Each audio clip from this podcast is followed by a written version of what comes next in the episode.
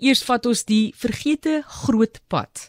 En wat 'n avontuur en reis moet dit nie wees nie. Piet Koetser en sy perdekar is van Saterdag af tot 5 November op die vergete groot pad. Vandag is hy by Vryseburg. Hy en professor Dorien Atkinson gesels oor die 1000 km lange pad en die plekke van historiese belang langs die pad.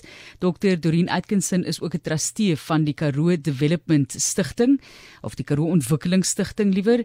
Piet Koetser gesels eers met ons oor hierdie roete. Nou dis 'n 1000 km roete Piet van Tulbagh Vrydag deur tot in die noorde van Kuruman soos ek het verstaan. Vertel vir ons net asseblief van hierdie vergete Ons praat in Engels van die Forgotten Highway route as mense dit wil gaan soek want dit is onder daai naam waar jy dit gaan vind onder die Karoo Development Foundation as jy wil gaan lees aanlyn.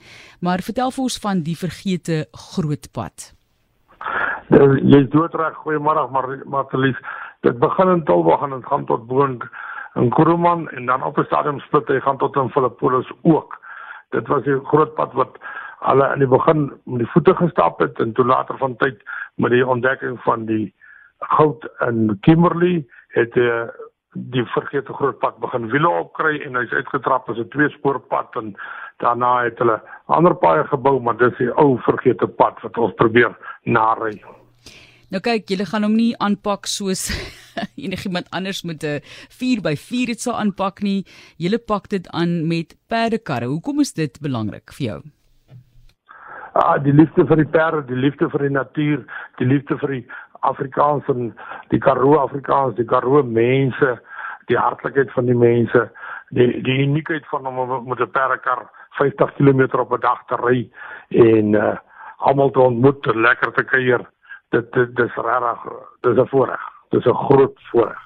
Vertel vir ons van die perde self ook en hoe akkuraat jy nou regtig wou wees hier as 'n mens kyk na die tipe perde, die perdekarre self en ons weet dit is nou nie middel van die winter nie, dit raak seker ook maar bietjie warm en mense is altyd bekommerd ook oor die perde.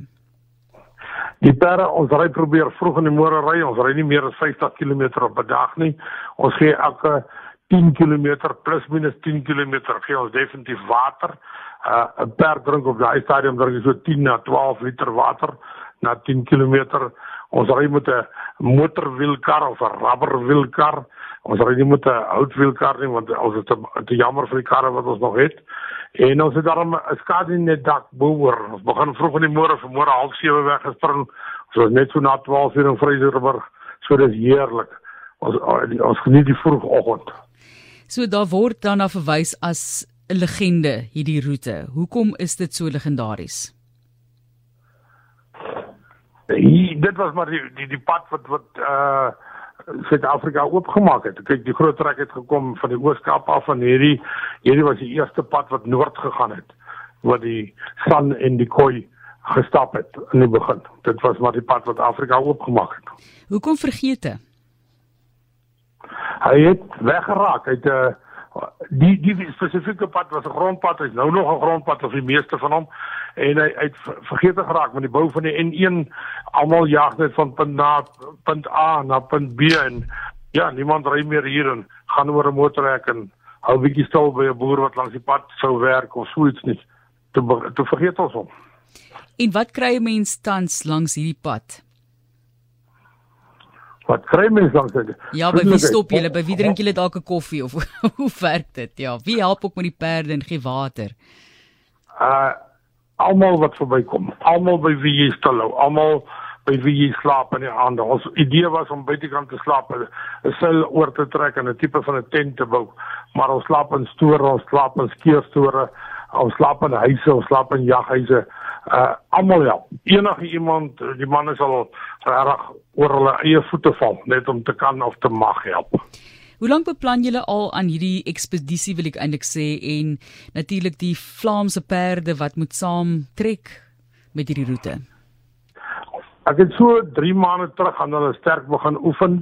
Uh ons beplan seker so 6 of 8 maande terug het ons begin beplan aan die roete en ja, so sê 3 maande terug begin fisies oefen om 'n lampie fiks te kry en ja, dis dis hoe dit werk.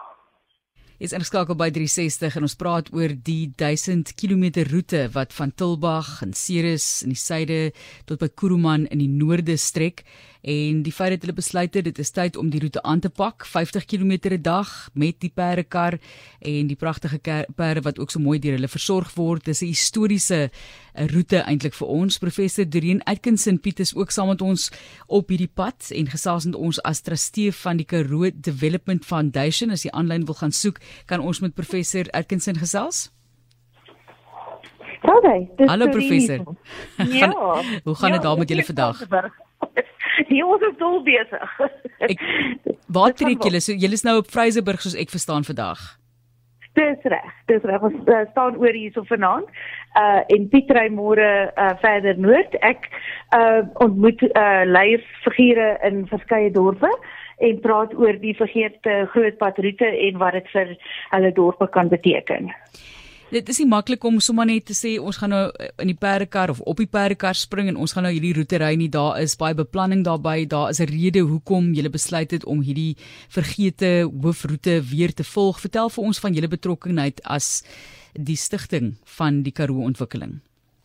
Wel dit was nou uh, eintlik 'n bestuuring dat ek en Piet se paai uh, gekruis het want ons het by die Karoo Foundation het klaar begin praat oor hierdie vergete grootpad roete wat 1000 km die mense gery het van so 1790 na so 1860 se kant 'n baie vroeë roete En die laaste jaar toe vind ek uit Piet is al klaar besig om te oefen op op gedeeltes van hierdie roete. Toe dink ons nee, uh, ons kan saamwerk. Uh en en dit was 'n baie is 'n baie lekker vennootskap. So hy ry sy per kar en ons help die gemeenskappe om nuwe to toerisme en erfenispotensiaal raak te sien en dan te ontwikkel en en en nuwe uh, geleenthede na die dorpe te bring daar's nou die pertinente en belangrike raakpunt is om mense terug te bring na hierdie dorpe. Ek sit nou en kyk so na van die name wat op die roete val. Ons het Niekerksdorp, Griekwastad, Danielskuil byvoorbeeld ook, Priska, Kenavin, Vryseburg waar jy vandag is, Sutherland, Ceres, Tulbag. So vertel vir ons van die terugvoer van die dorpe self. Wat beteken dit vir hulle en in terme van die toekomsgesprekke wat jy het met hierdie dorpe om toerisme op hierdie manier te verbeter? Weet jy, elke dorp is daar leierfigure wat wat ons noem change makers. Ehm um, en dit is partykeer in die ehm um, opvoedingsrigting of in toerisme of in erfenis of in die munisipaliteit ehm um, jy weet dit elke dorp verskil en hulle behoeftes en hulle potensiaal verskil en hulle benadering verskil. So ons ehm um, styl is om regtig met 'n kontak te maak en dan te hoor waar is hulle in hulle denkproses en hoe kan ons hulle uh, uh, bystaan. Ehm um, dan is daar nou 'n lang uh, uh, uh, proses om mense in te trek met gesprekvoering en te kyk Dus hoe kan die dorpe met mekaar begin saamwerk? Want dit is uiteindelik die voordeel van 'n roete dat jy nie net een dorp bemark nie bemark sommer almal saam. En dan in die toekoms kan 'n toerist ehm um, vir vir vir 'n paar dorpe doen en dan 2 jaar later terugkom en die ander dorpe kon kom doen. En so stuur jy daai ekonomiese inspuiting stuur jy op en af met die roete uh, sodat almal daarbey kan baat. So so as jy kyk na wat julle tans doen, die groot man, as dit kom by perde, Piet Koetser wat hierdie ekspedisie dan nou vir ons lei en ek hoor daar's nog mense wat nou vir my sê hulle is saam. Sê vir my hoe baie mense is vandag saam op hierdie roete of al vir die, vir die roete wat dit vir die tyd wat dit gaan neem om die roete af te lê, die 1000 km. En dan wil ek ook by jou weet, hoe sal julle graag wil hê moet Suid-Afrikaners of buitelanders hierdie roete hanteer? Ons ons kom maar met ons voertuig of hoe gaan ons maak? Ja, op die oomblik is dit weet jy dit varieer. Nou en dan is daar tot uh 30, 40 mense saam op uh saam met Piet. Partykeer so, so min as 15. Dan waar hy is en watter tyd van die dag en wie kan kom saam ry. Ehm um, so daar is nie 'n resep nie. Dit is iets wat elke gemeenskap of elke uh, uh, uh elke streek vir homself ehm um, gebruik soos hy soos hy lus is. Maar ehm um, ja, uiteindelik is hierdie roete vir Suid-Afrikaners want dit was 'n baie interessante tydperk van die geskiedenis waar almal eintlik nie in niemand was in 'n comfort zone nie. Almal was op soek na 'n uh, ontdekking. Ehm um, of dit nou die trekboere was of die sendelinge of die Tswana of die Khoi of die Corona, jy weet, almal was besig om om nuwe kulture aan te leer, um en nuwe uitdagings uh, te ontdek, uh nuwe geleenthede. En ek dink dis waar ons nou is, jy weet, daar's daar's geen kultuur wat deesdae in Suid-Afrika kan baas speel nie. Uh almal het hulle mate van van van invloed. uh, en van vryheid om te om dinge te doen en nuwe mense te leer ken en nuwe uh, idees te kry. 'n uh, soort van 'n radical uh, recognition uh, of, of, of the other people. Jy weet dit is dis 'n nuwe byeenkoms van mense wat nie tevore bestaan het nie. So ons dink die roete is heeltemal gepas vir vir waar ons nou in in Suid-Afrika is in hierdie tydstip. Dis hier op RSG en die groot vergete roete wat nou weer na vore gebring word en fantastiese werk wat gedoen kan word in die omgewing om mense, jy weet, in daardie toeloop na stede te voorkom en die leegloop van die platteland te voorkom ook op hierdie manier. En mense wat praat hierso vertel byvoorbeeld vertel ons van die dorpe en watter plase sodat ons die ruiters kan ondersteun. Ek het nou van hulle genoem. Ek sal weer 'n bietjie daarvan deurdraf. Waar kan mense meer uitvind van hierdie roete indien hulle dit wil gaan volg en op so 'n manier toerisme daar ondersteun? Dit is die maklikste is om vir my te kontak uh by wat uh, op my WhatsApp nommer um uh 071 401